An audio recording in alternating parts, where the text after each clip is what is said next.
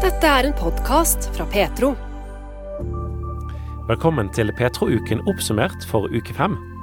Sorg kan være et nytt og ukjent landskap en må inn i når noen som står oss nær, dør, blir syk eller kanskje opplever samlivsbrudd.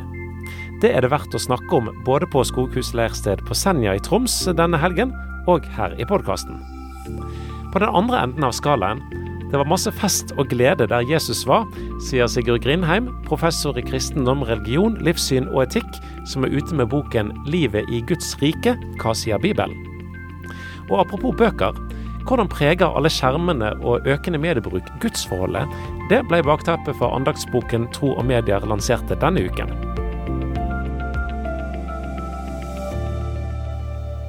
Avslutningsvis i podkasten får du òg refleksjoner rundt Jesu måte å bruke lignelser på, men nå. 31.1 er en spesiell dato for Ragnhild Miriam Bredvei Pettersen. Både en voldsepisode i barndommen og moren sin død skjedde på denne datoen. Likevel så synger hun om Gud at He can do something wonderful out of your life. Gud kan skape skjønnhet ut av livet ditt. I over et år så har ektemannen Arvid Pettersen gitt ut en ny salme hver måned, og i januar så var det nemlig konen Ragnhild som fikk være solist. De to er svært aktive som konsertarrangører og konsertsangere, musikere. Det å reise rundt i lag og ha 120 konserter i løpet av bare ett år, ja det passer godt for de to som par. Altså, det er sikkert ikke for alle, men for han og meg så er det veldig fint. Vi, eh, vi, er så takknemlige for at vi får lov til å gjøre det. Det ligger jo i hjertene våre begge to, og det er jo et kall som vi har på hver vår kant egentlig. Og så, og så fikk vi lov til å møte hverandre og ha det kallet sammen. Så det er veldig stas. Mm. Nå sa du litt om det, men hva er det beste med å få synge om Jesus eh, og reise rundt og synge om Jesus? Det er det å få lov til å møte mennesker og gi dem noe fra hjertene våre som eh, jeg tror er eh, livsforvandling eh, mm. for de som ønsker å ta imot. da. Så det er jo mange som reiser rundt og synger og spiller, men, men, jeg opplever at vi har noe ekstra Det lille ekstra er med, og det er det som driver oss, da. Mm. Så det Ja uten Jesus eh, midt oppi dette her, så tror jeg ikke vi hadde orka det kjøret som vi mm. har hatt i alle de åra med all reising og alle konsertene. Mm. Det er, eh, men det er, det, det er, liv, og da, og da er det kraft. Ja. Så har dere altså ulike prosjekt, og i over ett år så har det gått et salmeprosjekt. Han, eh, starta i januar 2022, mannen din, mm. gi ut noen av de sangene han allerede hadde skrevet, fått med mange ulike artister. Egentlig litt ulike sjangere, kaller det salmer, men det handler jo om det viktigste som du var inne på. Og nå er turen kommet til deg, Ragnhild. Nå skal du, eller mm -hmm. nå kommer sangen ut der du er solist. Fortell om eh, sangen. 'Something Wonderful' heter sangen. Altså noe vakkert eller eh, fantastisk eller underbart eller underfullt. Jeg vet ikke. Mm. Det er eh, mange muligheter på det, på det ordet. Eh, og det handler om at um, Gud kan snu ting for deg til noe godt, til noe vakkert.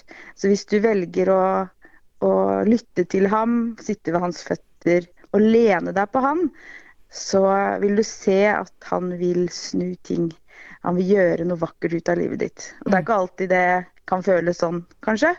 Men for meg så har det vært en sånn Jeg har opplevd det sjøl. Så mm. jeg, jeg, kjenner at det, det er et vitnesbyrd eh, fra meg å kunne si det etter eh, mitt liv, da. Mm. Eh, mm.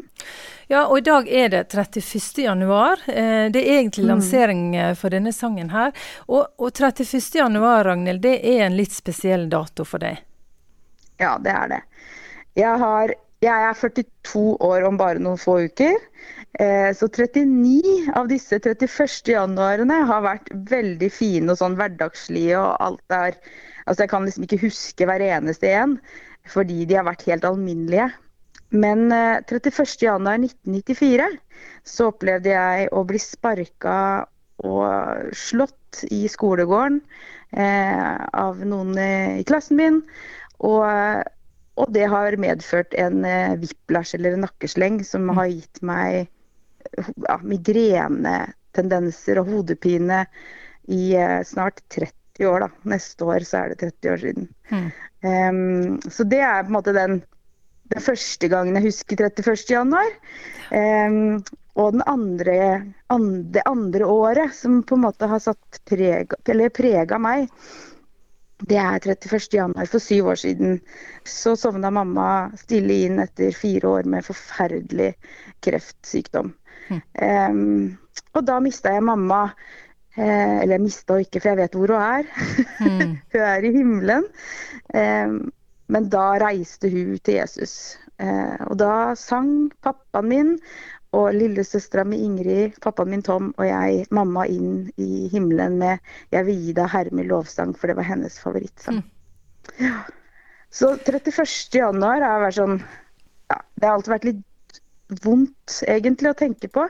Mm. Eh, spesielt etter at mamma døde, så er jo det en dødsdag som du aldri glemmer. Mm. Eh, men i dag så så skal jeg løfte fram eh, det gode. Og det er at uh, gjennom alt så er han trofast. Og da, hvis jeg på en måte lener meg til Jesus, så, så vil han uh, følge meg og leie meg og gi meg gode ord og oppmuntringer som kan snu det vonde til det gode. Mm. Mm. For det er jo sterkt at du faktisk, etter at du har fortalt disse opplevelsene her, så synger du i denne sangen 'He can do something wonderful out of your life'. Ja, jeg jeg har tenkt at det, du kan velge når du opplever nederlag. Jeg har jo også mista pappaen min. Han døde for fire år siden, litt over fire år siden. Mm. Eh, det tok bare to og et halvt år mellom mamma og pappas, pappas dødsfall, så jeg blei eh, foreldreløs i en alder av 37 år. Mamma blei 56 og pappa blei 64. Det er liksom ingen alder. Mm. Eh, og så har jeg bare tenkt at det Nei. Mamma og pappa vil jo ikke at jeg skal grave meg ned og, og, ligge nede og sørge. Og selvfølgelig skal man sørge, man skal savne. Det gjør man jo, det er jo helt naturlig. Men jeg tror også at de hadde satt pris på at jeg hadde valgt å løfte blikket mitt. For det er det de har lært meg til å gjøre gjennom alle ting. Mm. Altså stol på Jesus, og så, og så, gir han deg trøst, og han gir håp. Um, så du kan velge da, å, å, bare bli der nede og ikke tenke noe fint om livet og bare velge å ha det svart og mørkt. Eller så kan man faktisk reise seg. Og det er det jeg har valgt å gjøre. Jeg har tenkt nei, vet du hva. Jeg skal ut og synge selv om mhm. mamma døde for tre uker siden. Jeg må opp på den hesten igjen. Jeg må faktisk eh, synge om det jeg har synget om. Jeg har opplevd en sånn himmelvisshet som jeg aldri har kjent på før. Jeg bare vet at det finnes en himmel og at det fins et sted og en evighet. Eh, men så lenge jeg er her nede, så må jeg gjøre det beste ut av det, og da vet jeg at Jesus kan gjøre det bra for meg. Eh, og det opplever jeg. Jeg har jo min sykdomshistorie. Jeg sliter med utmattelsessyndrom. Jeg, jeg har mine ting. Eh, I går lå jeg rett ut med, med migrena mi helt fra jeg våkna til jeg gikk og la meg, og jeg er veldig spent på i dag om jeg mm. klarte å ta denne samtalen. Og så bare vet jeg jo at det, nei, han er jo der, og det, det klarer jeg, og det gjorde jeg. Våkna i dag med bedre hode. Mm. så jeg, jeg, tror at den sangen da, den, den, viser på en måte hjertet mitt. At det gjennom det som har vært, som har vært vondt og tøft i livet mitt, så, så kan jeg med hele mitt hjerte synge at det er vel med min sjel, og at han kan gjøre noe vakkert ut av livet mitt. Mm. Det er proklamerer jeg bare. Ja. Det fortalte altså Ragnhild Bredvei Pettersen, som er solist på sangen 'Something Wonderful', som hun og ektemann Arvid Pettersen ga ut denne uken. Intervjuet her, det var Anne Birgitte Lillebø Bø. Du lytter til en podkast fra Petro. Sorg er noe som vi alle dessverre opplever i løpet av livet. Det finnes mange typer sorg. Sykdom, død og samlivsbrudd er noen sorger som kan være krevende å stå i. Og hvordan skal vi som står nær, møte de som er i sorg? Øyvind Kringstad er leder i Misjonssambandet region nord, og denne helgen har de et arrangement på leirstedet Skoghus på Senja i Troms, der bl.a. sorg er tema. Initiativet til det her er jo kommet fra en av dem som skal bidra, som sjøl har opplevd sorg, og sorg som i tapet av en kjær ved død. Som du nevnte, så er det mange ulike måte å oppleve sorg på. og det er jo Kanskje det vi tenker mest på, er jo når noen dør. Um, og vedkommende beskrev uh, at i forkant så, så, var det her rett og slett et, uh, et ukjent landskap. Nytt å gå inn i personlig. Og også nytt å gå inn i på vegne av andre. Altså, for det er en del tingene som vi skal berøre her nå. da. En ting er min egen sorg, på et vis. En annen ting er, og som kanskje er vel så viktig, og da blir det enda mer aktuelt sånn allment rundt omkring. Vi kjenner alle noen som opplever sorg, eller har opplevd sorg. Hvordan forholder vi oss til det? I et kristen sammenheng, vi ønsker å vite omsorg. Hvor, hva, hvor gjør, hvordan gjør man det? Men er det eh, en ting som eh, vi ikke kan godt nok, altså? Vel, jeg tror i alle fall ikke at man uh, blir liksom ferdig uh, snakka om det. Jeg tror det går an å belyse stadig på nye måter og nettopp få fram litt ulike fortellinger. Sorg ved død, uh, det har noe veldig endelig over seg. En person er borte og, og kommer aldri tilbake. Sorg, annen type sorg i livet ikke, er kanskje litt vanskeligere å forholde seg til. Her er F.eks. ved en skilsmisse eller andre livskriser, så er det jo ikke så endelig, selv om det kanskje er endelig også. Men, men da blir det en annen tilnærming igjen. Så det å samtale i lag om det her på en måte som gjør at det blir ømt og varmt, og samtidig eh, ja, si noe tydelig om det, har en forventning til at det blir bra og viktig du er leder for eh, Misjonssambandet sitt arbeid i nord. Og Misjonssambandet er jo Norges største misjonsorganisasjon. Du nevnte at den ikke hadde noe sånn spesifikt sorgarbeid. Men en så stor organisasjon som Misjonssambandet, som møter så mye mennesker både i, i menighetssammenheng, på leirer og i annet frivillig arbeid, burde en hatt et sorgarbeid lik Den norske kirke? ja, det er jo lett å svare ja på det. Saken er jo at eh, jeg tror det skjer utrolig mye skal vi kalle det uformelt, eh, spontant sorgarbeid mellom mennesker. I venneflokker, i bibelgrupper, i forening. Eh, så veldig mye skjer i gåseøynene av seg sjøl. Men det kunne absolutt vært noe å liksom ja, nærma seg det her eh, fra litt mer sånn uh, offisiell uh, kant. Det tror jeg absolutt. Det her som vi skal ha nå, er jo et, en samling som, som er ja, relativt enkel, men og, og, livsnær. Så tror vi kanskje at det er nettopp det som trengs. da, At vi, at vi kommer nær hverandre og får høre hverandres historier, og på den måten uh, ja, får noe faglig på et vis påfyll på det, men, men får oppleve ja, bli kjent med menneskene og tankene bak, som har nær erfaring med sorg sjøl, da. Øyvind Kringstad er regionleder for Misjonssambandet region nord. Denne helgen arrangerer altså de inspirasjonsleir på Skoghus leirsted på Senja i Troms, og snakker bl.a. om sorg. Intervjuet her var Bjørn Steinar Haugland.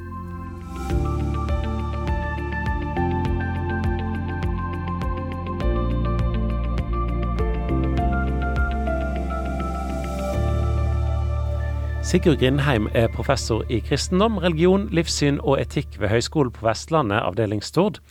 Han har jobbet på tre kontinenter som lærer med teologisk utdanning. Han har vært misjonær, pastor, journalist og bibeloversetter. Nå er han ute med en bok som heter 'Livet i Guds rike', og undertittel 'Hva sier Bibelen?'.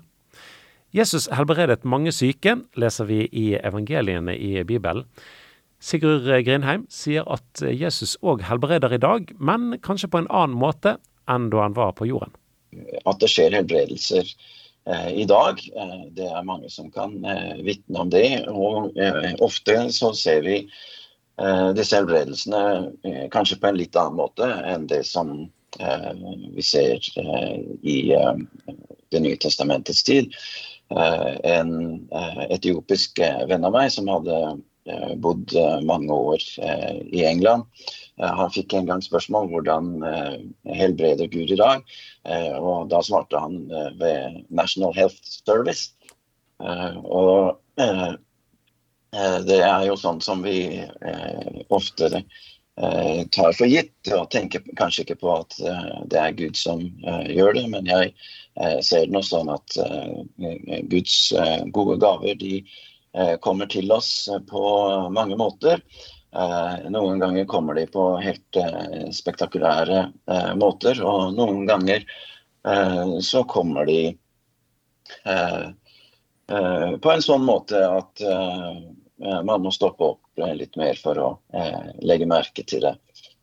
Eh, jeg har fortalt av og til Min kone og jeg vi har jo en sønn som nå har blitt tre år gammel. Men da han var født Han ble født i Cambridge, og da han ble født, så var han veldig syk. Og han tilbrakte den første uka av sitt liv på intensivavdelingen på Eh, sykehuset i eh, Cambridge. Eh, og Kedis og jeg vi visste jo ikke våre armer òg. Vi var livredde for at vi skulle miste han med en gang vi hadde fått han, og vi kunne ikke gjøre annet enn å be til Gud om at han måtte sørge for at han klarte seg. Og legene og sykepleierne i Cambridge de gjorde en fantastisk jobb Eh, og ga han alt eh, det som eh, var tilgjengelig av stell og omsorg. Så vi er jo fylt av takknemlighet både til Gud og til helsevesenet i Cambridge. Uten at vi ser på det som noen motsetning. Tvert imot.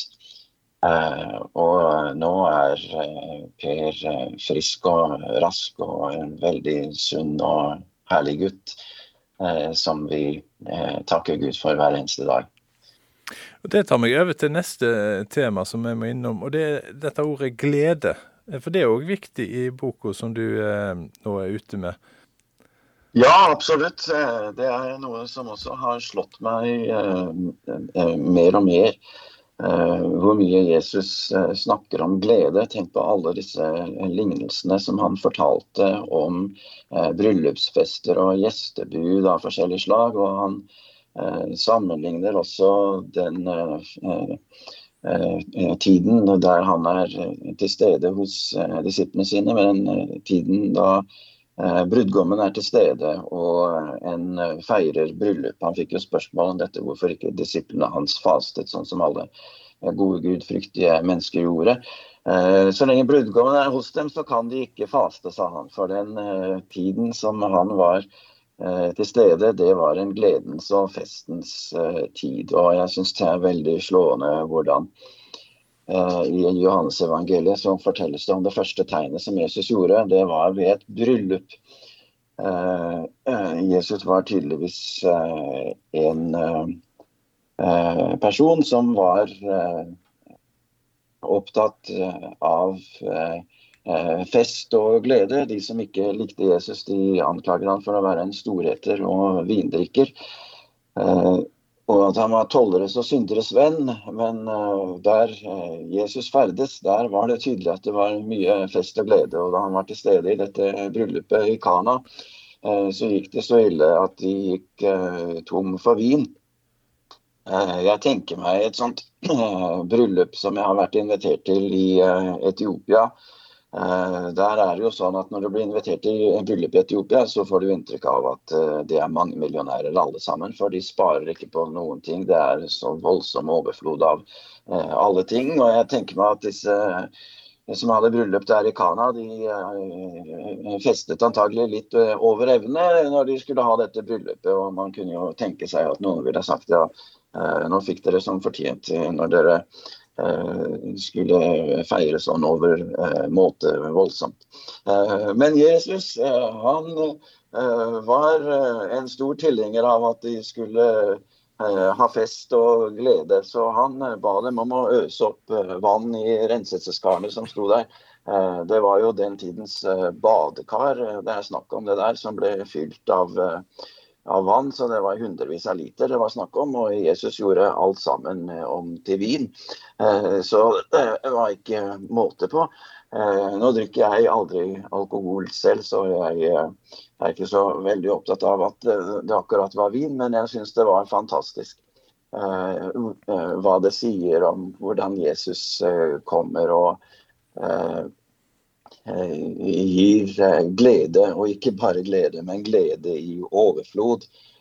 For det er nettopp det Jesus gjør. Der han får komme inn i våre liv, så blir det en ny situasjon som gir fest og glede. Livet i Guds rike er altså tittelen på boken som Sigurd Grindheim har skrevet, og som nå er kommet på norsk. Men hva mener han egentlig med begrepet Guds rike? På norsk så tenker vi jo på et område, akkurat som vi tenker på kongeriket Norge eller kongeriket Danmark, som et område som man beveger seg inn i. Og det snakker jo Jesus om, av hvem som skal komme inn i Guds rike. Så vi tenker vel kanskje helst på det på den måten. I Bibelen så handler det jo også i veldig stor grad om dette at Gud hersker som konge, og at han utøver sitt kongeherredømme, og at hans vilje skjer. Det er jo det som er kort sagt det gode samfunn. At Gud får herske, i motsetning til at ondskapen får spillerom. Så når vi snakker om Guds rike, så snakker vi også om det samfunnet der Guds vilje skjer, og der det er godt å leve. Der vi får oppleve frelsen, kort sagt der vi får oppleve Guds kjærlighet og velsignelsene som følger ved å leve i samfunn med ham. Det, det, er jo 2000 år siden dette her skjedde. Er Guds rike noe som skjer her og nå? Har det vært her i Eller forsvant det med Jesus når han reiste til, opp til himmelen igjen? Jeg tenkte jo ofte sånn at Guds rike var noe som vi så fram til. Når Jesus skal komme igjen, så skal vi få komme inn i Guds rike. Og det er en del av bildet. Vi ber jo komme ditt rike. Så vi ser fram til den dagen da det riket skal komme på en måte som det ikke er her nå. Men Jesus sier også at Guds rike er kommet nær. Han sier at Guds rike er midt iblant dere. Og gjør det klart at det er faktisk Jesus selv som bringer Guds rike og Guds kongeherredømme til oss. I evangeliene så blir jo dette veldig dramatisk tydelig når Jesus kaster ut de onde åndene og rett og slett driver ondskapen på flukt. Fordi Guds herredømme gjør seg gjeldende. Ondskapen må flykte. Og det gode inntar plassen istedenfor. Og dette er noe som vi får oppleve. Jeg sier det sånn i boken min at der Jesus er, der er Guds rike. Der Jesus er, der kommer han med sine gode gaver. Først og fremst tilgivelsens og kjærlighetens gave, som har kraften til å forvandle alle ting. Det forvandler oss som enkeltpersoner, og det forvandler oss som samfunn og fellesskap. Sånn at vi kan få oppleve den velsignelsen som Gud har for oss.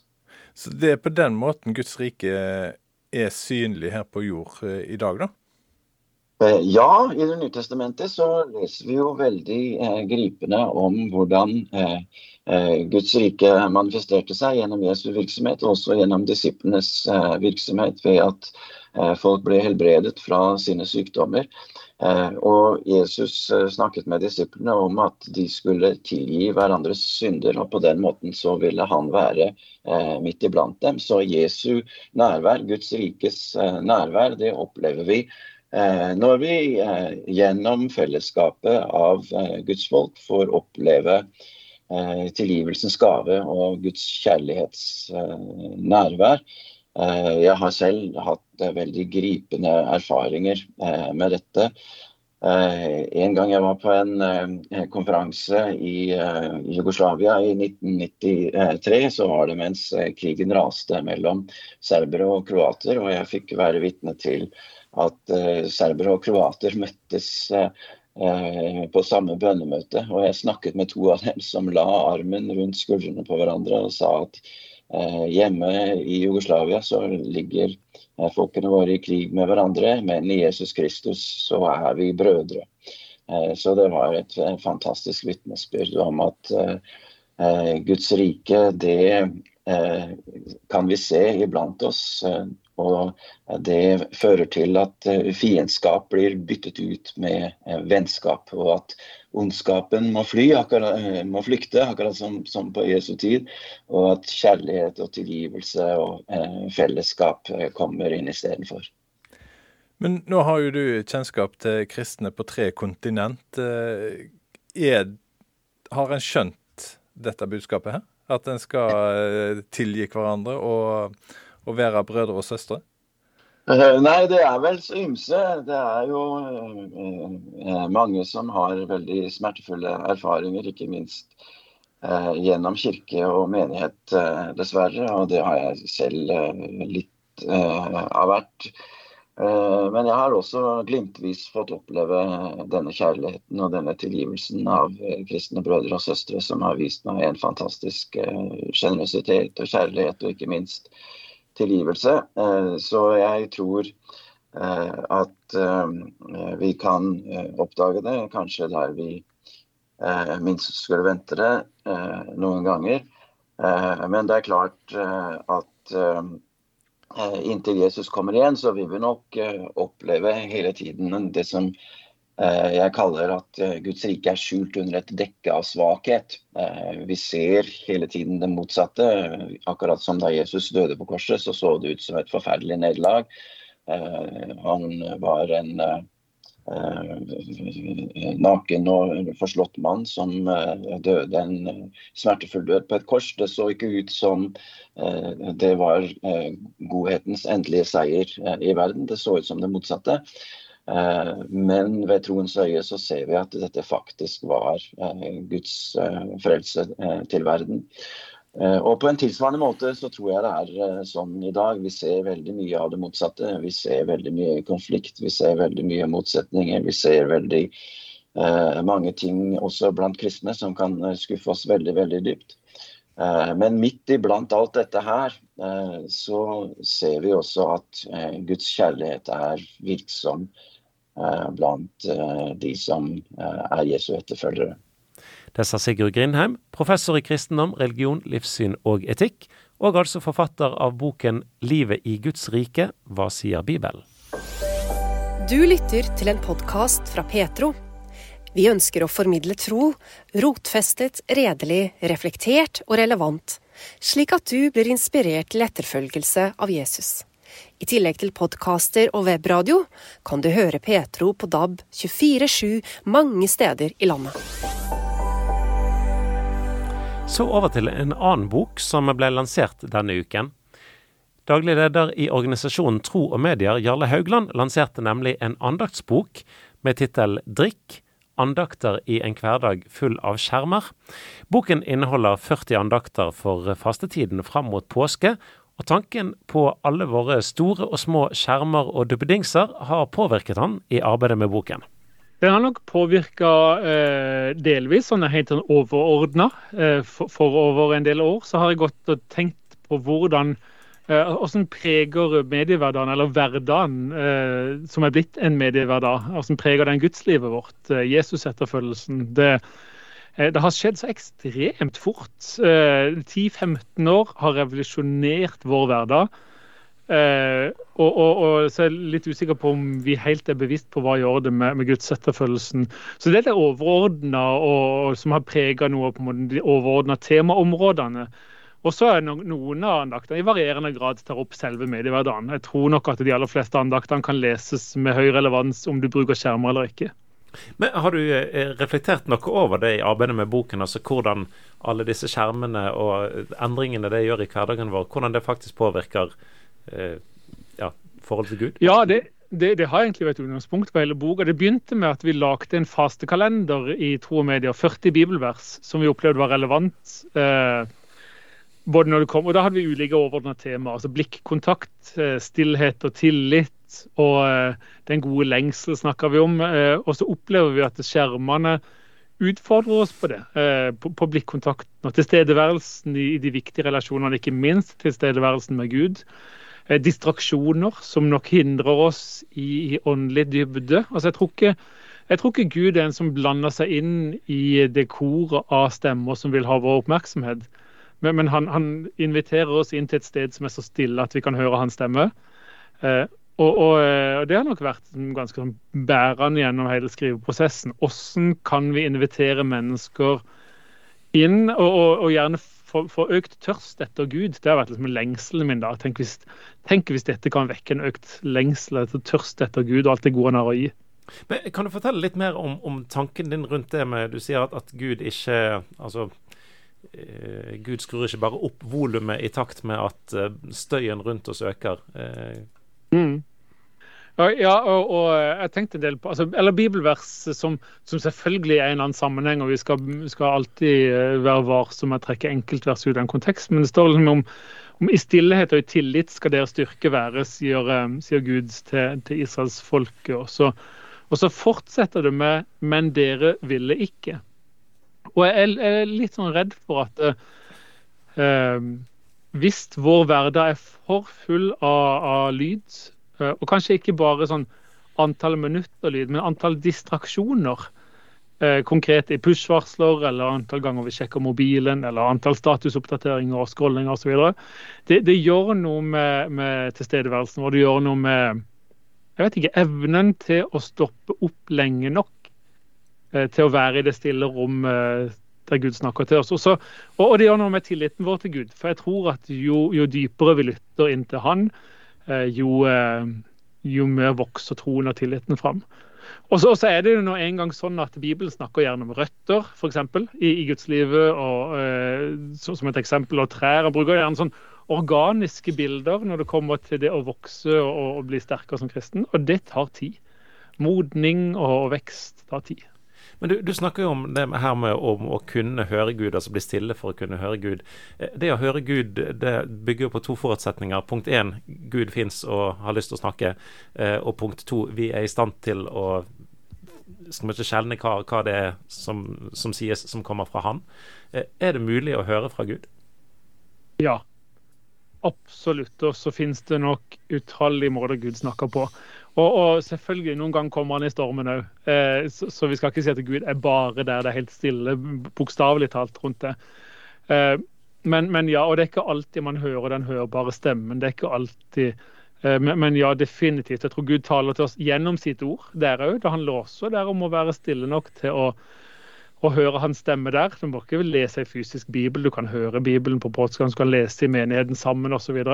Men ja, jeg tror definitivt Gud taler til oss når vi er i tilbedelse, når vi er i bønn, når vi er i det kristne fellesskapet, når vi er i Bibelen. Altså, og det er, noe, det er ikke noe nytt. altså Jeg kommer ikke med noe, noe, noe radikalt nytt. Men jeg har lyst til at vi skal grave litt tilbake igjen og finne at ja, vi tror at Gud er en en Gud som agerer i livene våre. da, eh, og Om han snakker til oss i hjertene våre, i en fred som overgår all forstand, med å fylle oss med en kjærlighet som sprenger grensene, med, med å overbevise oss om at vi er elska og tilgitt uh, av Han osv., med det kristne håp. altså så, så, så, det handler ikke om en jakt etter å høre en hørbar stemme. Det er heller ikke om en jakt etter en spesiell følelse, men om å invitere inn i et, uh, inn et landskap der Gud uh, sier ulike ting i ulike livsfaser og på ulike måter. Denne boken heter altså 'Drikk andakter i en hverdag full av eh, skjermer'. Jeg la merke til at eh, i omtalen på Tro Media sine hjemmesider, for du jobber jo i Tro Media, så står eh, det et spørsmål trenger du en pause fra alt som forstyrrer i hverdagen. Så avslutningsvis, Jarle, når du har valgt å gi dette ut ikke som podkast, ikke som videoer på YouTube, men mellom to permer i en bok, er det en connection her? Ja da. Vi, helt fra starten så lurte vi på skal vi skal vi legge inn noen QR-koder så de kan se en video. eller et eller annet. Da bryter vi egentlig med hele intensjonen med boka. Det å lokke oss til å ha noen, eller invitere oss inn til noen sånn skjermfrie soner i hverdagen. Jeg ønsker å være mediepositiv, og vi er nok det som tror medier. Så bruker vi aktivt ulike medier for å nå ut med det kristne budskapet, men vi trenger noen skjermfrie soner. Så ei fysisk bok der du kan legge vekk mobilen eh, og være fullt og helt til stede til det Gud vil si det, det tror jeg er en god ting. Det sa Jarle Haugland, forfatter av andagsboken 'Drikk andakter i en hverdag full av skjermer'. En av bibeltekstene som skal brukes i alle Den norske kirkes gudstjenester denne helgen, den handler om Jesus som eh, forteller en lignelse om en mann som går ut for å så frø i jorden. Jesu bruk av lignelser ja, det er tema for noen refleksjoner som pastor i Østsida frikirke i Kristiansand, Rune Tobiassen, har gjort seg her på Petro denne uken, med utgangspunkt i kommende søndags prekentekst. En såmann gikk ut for å så kornet sitt. Jesus fortalte ganske mange lignelser. Noe som ligner noe annet. Historier fra hverdagslivet som folk kjente seg igjen i, kanskje. I dag må vi først forstå eksempelet fra hverdagen i en helt annen tid, for å kunne forstå hva Jesus ville si med det eksempelet. Jeg har tenkt litt på hva Jesus ville ha brukt som eksempler i dag. Kanskje lignelsen om elbilen, eller lignelsen om den barmhjertige russeren. Meningen med lignelser var vel at alle skulle forstå bedre, eller? Disiplene spurte Jesus hva lignelsen om såmannen betydde. Jesus svarte, Dere er det gitt å kjenne Guds rikes hemmeligheter, men de andre får de lignelser, for at de skal se, men ikke se, og høre, men ikke forstå. Det er ganske så rart, egentlig. Brukte Jesus lignelse for at noen ikke skulle forstå?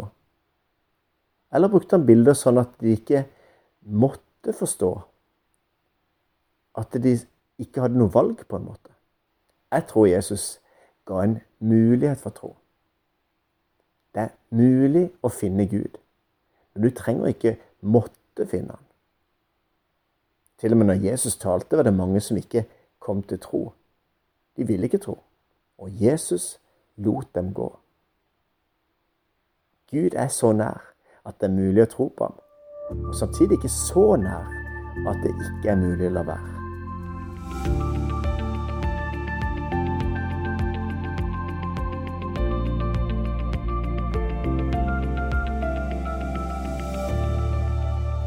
En såmann gikk ut for å så kornet sitt, og da han hadde sådd, falt noe ved veien.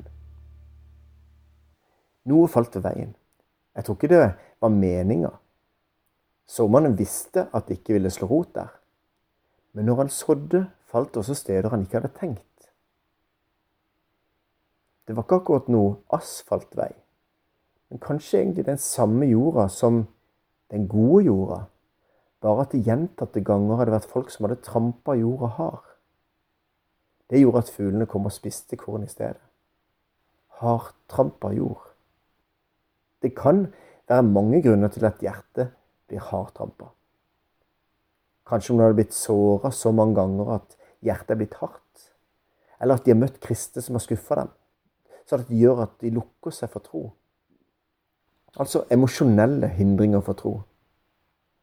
Eller det går an å ha intellektuelle hindringer for tro. Det at noen ikke tror det finnes gode argumenter for tro. Eller at de er blitt latterliggjort for sin tro på Jesus sånn at de tror at det ikke er fornuftig. Eller at de ikke forstår hva som egentlig blir sagt. De tror de vet hva kristen tro handler om, men sier ikke nei til Gud, men til deres bilde av Gud. Eller til vår innpakning av Jesus. Her må vi forbedre jordsmonnet, sånn at det blir god jord. Pløye jorda, bearbeide jorda, horve jorda. Gjør den klar til å ta imot såkornet. Så at når mennesker hører ordet, så blir det sådd i god jord. Det kan vi gjøre med trosforsvar. En omsorgsfull samtale, eller rett og slett at du ser et annet menneske som trenger å bli sett. Da kan jorda bli løsere og hjertet åpnere.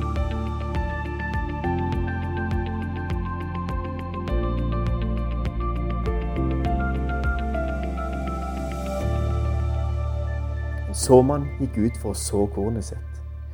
Og da han sådde, falt noe på steingrunn. Steingrunnen betyr ikke at det bare var stein på stein. Det var jord. Jord som kunne se ut som helt vanlig jord. Også den gode jord. Men rett under et tynt jordlag var det stein. Det var ikke mulig for kornet å slå røtter. Kornet fikk ikke nok vann. Sola tørka opp jorda så altfor raskt. Såkornet, det trenger dype røtter for å tåle tørke, tåle en periode uten næring. Det samme gjør troa. Troa trenger å få dype røtter, tenker jeg. For at ikke vi skal drive bort med båten, så ankres den opp. Vi må forankre troa. La troa modnes, så at det blir robust. Gå fra barnetro til moden tro. Kanskje det egentlig er lite røtter generelt i samfunnet i dag. Vi går liksom ikke så dypt ned i ting. Mye er overfladisk. Det er mye flakking fra hit til dit. Og kanskje vi ikke klarer å sitte stille. Jeg har lyst til å sitte så lenge i stolen at jeg begynner å gro fast. Kanskje det også da finner mer ro og slår dypere røtter.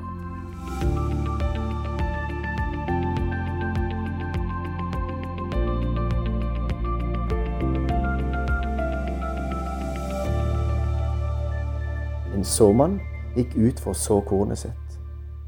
Og da han sådde, falt noe blant tornebusker. Jorda er den samme som i den gode jord. Kanskje jorda var så god at det var lett for alt mulig å gro i akkurat det jordsmonnet. Kanskje dette jordsmonnet var så åpent for alt og ikke var kritisk nok til hva det lot gro i seg. I hvert fall er det sånn i mitt hjerte til tider. Jeg tror det har god jord, men det er så lett å bli fylt av andre mindre viktige ting, og kanskje også av gale ting. Vi skal ta vare på hjertet, faktisk, fremfor alt vi bevarer. For livet utgår fra det.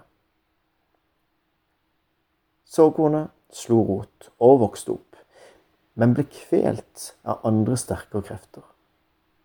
Blant torner og tistler. Ugress.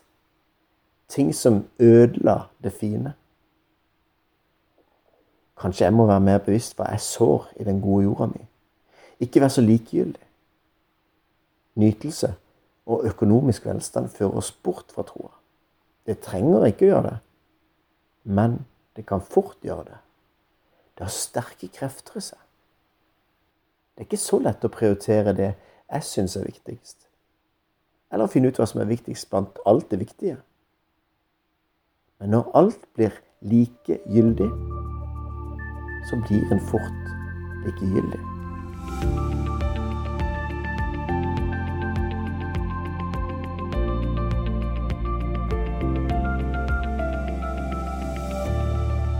En såmann gikk ut for å så kornet sitt. Og da han sådde, falt noe i god jord det var vel mest av den gode jorda. Ellers hadde vel ikke såmannen sådd i akkurat det området. Men kanskje det likevel er lett å tenke om seg sjøl at man er den gode jorden. Den gode jorden er de som hører ordet og forstår det. Han bærer frukt. Høre og forstå, det er ikke det samme som bare å høre. Kanskje noen hører hva kristendommen går ut på, men de skjønner ikke at det er relevant for dem. Vi har det så godt, her i Norge spesielt, at vi ikke har behov for Gud. Eller vi tror vi klarer oss sjøl. Fariseerne, de trengte ikke Gud. De var rettferdige i seg selv. Men det som blir sådd i den gode jorda, det er den som hører og forstår. De forstår at det gjelder dem. At de trenger hjelp. Det er liksom den syke som ser at han trenger lege. At det er god jord på ett tidspunkt, betyr ikke at alltid er det. Planten i krukka den må plantes om, og etter hvert som den vokser, for å få mer av den gode jorda. Kanskje den gode jorda blir sur eller trenger tilsetningsstoffer etter hvert som tida går. Jeg tror ikke god jord kommer av seg sjøl. Jeg tror vi må være bevisst for å forbli en god jord. Sånn at ordet kan bli sådd og skape tro. Sånn at det får dype røtter og ikke tørker ut. Sånn at ikke ugress får gode vekstvilkår og kveler kornet. Sånn at det bærer frukt.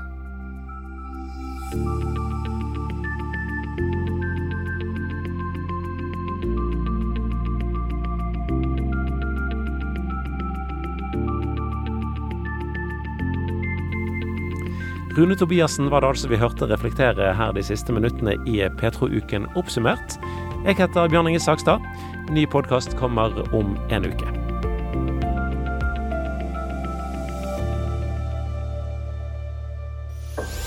Du har lyttet til en podkast fra Petro. Flere podkaster fra oss finner du bl.a. på petro.no og i Petro-appen. Der kan du også høre radiosendingene våre 24-7. Husk også at vi sender på DAB mange steder i Norge. Vi høres!